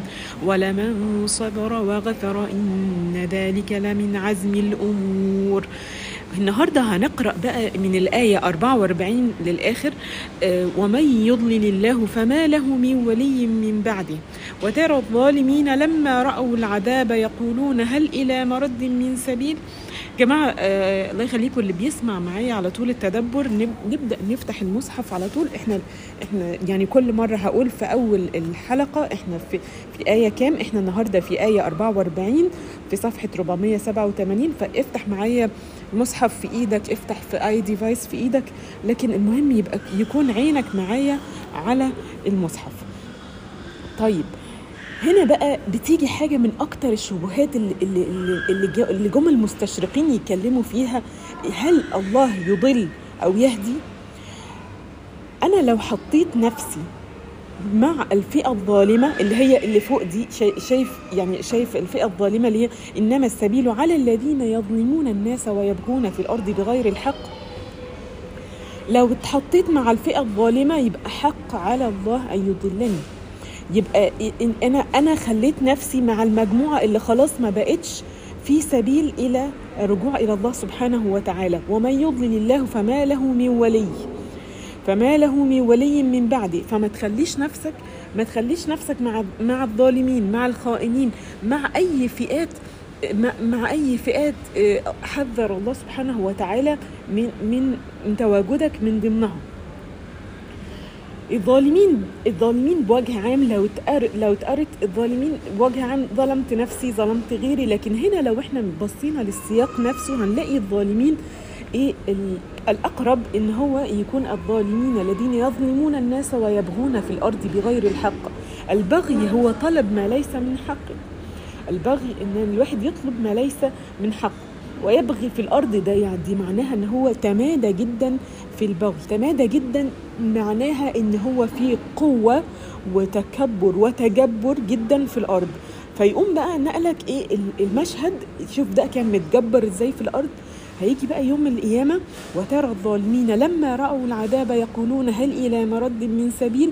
هيكون وضعهم سيء جدا جدا يوم, القيامة. توصف الآيات بقى بعد كده في, في آية 45 وتراهم يعرضون عليها خاشعين من الذل ينظرون من طرف خفي. يعرضون على النار. خاشعين. شوف بقى خاشعين. بص بقى الحالة النفسية بتاعت الظالمين دول بقى. بقى شكلهم عامل إزاي دلوقتي؟ خاشعين يعني مش قادرين يتكلموا مخضوضين جدا. باصين في الأرض كده. مش قادر يبص مش قادر يرفع عينه. إلا من طرف بيبصوا من طرف خفي يرفع عينه. حاجة بسيطة كده يشوف آه، يشوف إيه اللي هيحصل. الموقف ماشي إزاي؟ ده يعني زي إيه؟ ال- القرآن لما بي- بيجيب لك منظر المتجبر اللي كان في الأرض وعكس الصورة اللي هيوصل لها في يوم القيامة هيكون عامل إزاي. وعلى النقيض وقال الذين آمنوا إن الخاسرين الذين خسروا أنفسهم وأهليهم يوم القيامة ألا إن الظالمين في عذاب مقيم. على الطرف الثاني المؤمنين بعد ما شافوا بقى ال- ال- ال- العيشة الهنية في الجنة آه، رب اجعلنا منهم يا رب إن شاء الله. شوف أنت لما تكون في خروجة حلوة جدا جدا مبسوط حسيت إن هو ده اللي أنت وصلت له هو ده اللي أنت كنت بتتمناه لنفسك ووصلت له. خلاص قاعد بقى مبسوط جدا فبتفتكر إيه بقى؟ تفتكر اللي ما جاش معاك. أفتكر حد آه، أفتكر أختي الصغيرة اللي ضلت عن الطريق. أفتكر أخويا. أفتكر حد الذين خسروا أنفسهم وأهليهم يوم القيامة. هقول هقول هو ده الخسران اللي بجد. ده خسر نفسه وخسر أهله يوم القيامة إن هو ما بقاش معانا في في المكان الحلو ده. لكن مفيش فايدة. ألا إن الظالمين في عذاب مقيم. اللي راح خلاص اللي, اللي اتحكم عليه بالنار إلى آه، يعني خلاص ده كده يعني في عذاب مقيم ملوش أي رجوع. أحيانا بيجي إيه ناس تقول لك آه، يعني هو, هو ليه أحيانا نبرة القرآن بتكون قاسية قوي كده. يعني إيه؟ ألا إن الظالمين في عذاب مقيم مفيش فايدة. بص خلي بالك أنا لما باجي أحذر أما أجي أحذر حد من حاجة في منتهى الخطورة أنا بقول لك أوعى لو سمحت تقرب من الحافة دي. أصل هتقع هتسقط إلى الهاوية هتسقط آه، آه، تحت هتقع ست أدوار. وبكلمك بلهجة آمرة مرعبة بخوفك اصل هتقع هتتك... هيتكسر عظمك هيتكسر عظمك مش عارف إيه. ده معناها إن أنا خايفة عليك. وه- ولله المثل الأعلى. لما لما القرآن بيتكلم باللهجة الآمرة دي معناها ان إن الأمر عظيم ويستحق التحذير منه جامد. وما كان لهم من أولياء ينصرونهم من دون الله. ومن يضلل الله فما له من سبيل. كل الناس اللي كانت متجبرة في الدنيا دي يك- وكانت مستقوية بنفسها أو مستقوية بغيرها يقولك لا أصل ده مسنود أصل ده ليه ظهر. يعني مش مش بيتقال الكلام ده دلوقتي وإحنا أصل ده ليه ظهر. اللي ليه ظهر ما يتضربش على بطنه اللي مش عارفة إيه. لكن في يوم القيامة بقى لا يا حبيبي خلاص ما بقاش ليك حد دلوقتي. مالكش حد من دون الله. وما كان لهم من أولياء ينصرونهم من دون الله. خليك مع الله من الأول. ومن يضلل الله فما له من سبيل لأن خلاص لو أنت لو ضيعت نفسك مالكش طريقة تانية ترجع بيها. يرجع بقى التفات بقى في الكلام لينا بقى. استجيبوا لربكم من قبل أن يأتي يوم لا مرد له من الله. بعد ما أنا اتخضيت وأنا بقرأ الكلام ده جامد جدا تيجي بقى الرسالة المطمئنة استجيبوا لربكم من قبل أن يأتي يوم لا مرد له من الله. يعني خدتوا بالكم لو نرجع كده نرجع كده للآية 26 ويستجيب الذين آمنوا وعملوا الصالحات ويزيدهم من فضله والكافرون لهم عذاب شديد. مين اللي بيستجيب؟ إحنا قلنا الفعل الاستجابة ده في قلنا في الحلقة اللي فاتت إن هو إيه؟ فعل رايح جاي. الله سبحانه وتعالى بيدلنا بيدلنا رسائل ويدلنا فرص للتوبة والمؤمنين هم اللي بيستجيبوا للرسائل دي ويبدأوا يتوبوا إلى الله ويتجهوا إلى الله يقوم الله سبحانه وتعالى يستجيب لهم مرة كمان. طول ما أنت عايش وفيك نفس داخل وطالع أنت لسه عندك فرصة تستجيب إلى الله سبحانه وتعالى. فرسالة ربنا ليك استجيبوا لربكم من قبل أن يأتي يوم لا مرد له من الله. اليوم ده لما يجي مفهوش رجوع. ما لكم من ملجأ يومئذ وما لكم من نكير. مفيش مهرب في اليوم ده ولا تقدر تنكر اللي انت عملته ولا حد يقدر ينكر اللي هو عمله. الظلم هيتكشف الب- البغي هيتكشف. كل حاجة هتتعمل محدش هيقدر ينكرها. كل حاجة هت... ووجدوا ما عملوا حاضرة. ولا يظلم ربك أحدا. كل حاجة هتبقى جاية بالصوت والصورة. فإن أعرضوا فما أرسلناك عليهم حفيظا إن عليك إلا البلاغ. هيجي بقى تاني التفات تاني للنبي عليه الصلاة والسلام. يا محمد أنت أنت عملت اللي عليك لأن الرسول كان متأثر جدا جدا علينا. طول الوقت الرسول عليه الصلاة والسلام فلعلك باخع نفسك على آثارهم إن لم يؤمنوا بهذا الحديث اسفا. الرسول عليه الصلاة والسلام لما كان بتنزل عليه الآيات دي كان يبقى متأثر جدا على الناس اللي, اللي راحت من غير ما تؤمن بالله سبحانه وتعالى على عمه على الناس القريبة منه على كل الناس. فلا تذهب نفسك عليهم حسرات. فلكن الإنسان بطبعه يا محمد وإن إذا أذقنا الإنسان منا رحمة فرح بها. وإن تصبهم سيئة بما قدمت أيديهم فإن الإنسان كفور. الإنسان كانت من طبيعته لما يدوق طعم النعمة بيحس إن هو كده شيء ذاتي في نفسه. خلاص يقول لك إنما اوتيته على علم عندي. أو يقول لك أصل أنا ذاكرت ذاكرت أصلا واجتهدت. أنا أصلا شاطر وذكي. أصلا أنا خليت بالي من الحاجة الفلانية علشان كده قدرت أنجح بالطريقة دي. وهكذا. ولما تجيله سيئة ولما. وإن تصيبهم سيئة بما قدمت أيديهم لو جات له سيئة يعني لو لو جات له سيئة إيه يكفر بقى النعمة وينسى النعمة اللي هو كان فيها. ألا إن الإنسان كفور؟ يعني كفور يعني في الحالة دي يكفر النعمة. ما يعرفش إن الحالتين سواء ال- ال- ال- السيئة أو الرحمة الحالتين ابتلاء ابتلاء من الله سبحانه وتعالى وهو عليه رد الفعل. ما هواش ب- آه، ولله ملك السماوات والأرض يخلق ما يشاء يهب لمن يشاء إناثا ويهب لمن يشاء الذكور. تيجي بعد كده بقى دي خواتيم السورة زي يعني إحنا متعودين إن إحنا السورة لما بتيجي خواتيمها بتكون قريبة جدا من المعنى بتاع بدايات السورة فخواتيم السورة زي بداية السورة زي آية 3 و4 وآية 13 خلينا نرجع مع بعض كده ارجع معايا كده لآية 3 كذلك يوحي إليك وإلى الذين من قبلك الله العزيز الحكيم. له ما في السماوات وما في الأرض وهو العلي العظيم.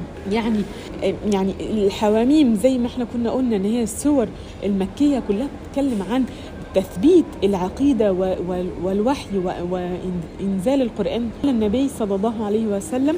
فيجي بقى يقول لك فيجي هنا في خواتيم السورة لله ملك السماوات والأرض يخلق ما يشاء. ألا زي في سورة الأعراف ألا له الخلق والأمر.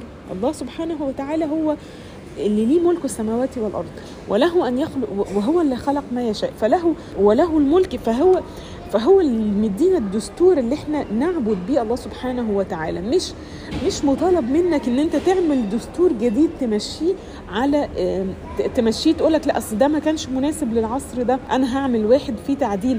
إحنا لو عملنا كده هنبقى زي هنبقى زي ال- النصارى زي الناس اللي عدلوا في الإنجيل وفضل يطلع كذا version كذا version لغاية ما, ما خلاص إيه، الكتاب الذي نزل على سيدنا عيسى لا هو اتعدل لا القرآن بقى محفوظ إلى يوم الدين وهو ده المفروض أنت تمشي عليه. ألا له الخلق والأمر. يهب لمن يشاء إناثا ويهب, ويهب لمن يشاء الذكور. آية تانية من آيات الله سبحانه وتعالى إنه يهب مهما عملت يهب لمن يشاء إناثا ويهب لمن يشاء الذكور. الآية تذكر أن مشيئة الله فوق كل شيء أو يزوجهم ذكرانا وإناثا أو يزوجهم في اللغة العربية يعني يديهم زوج.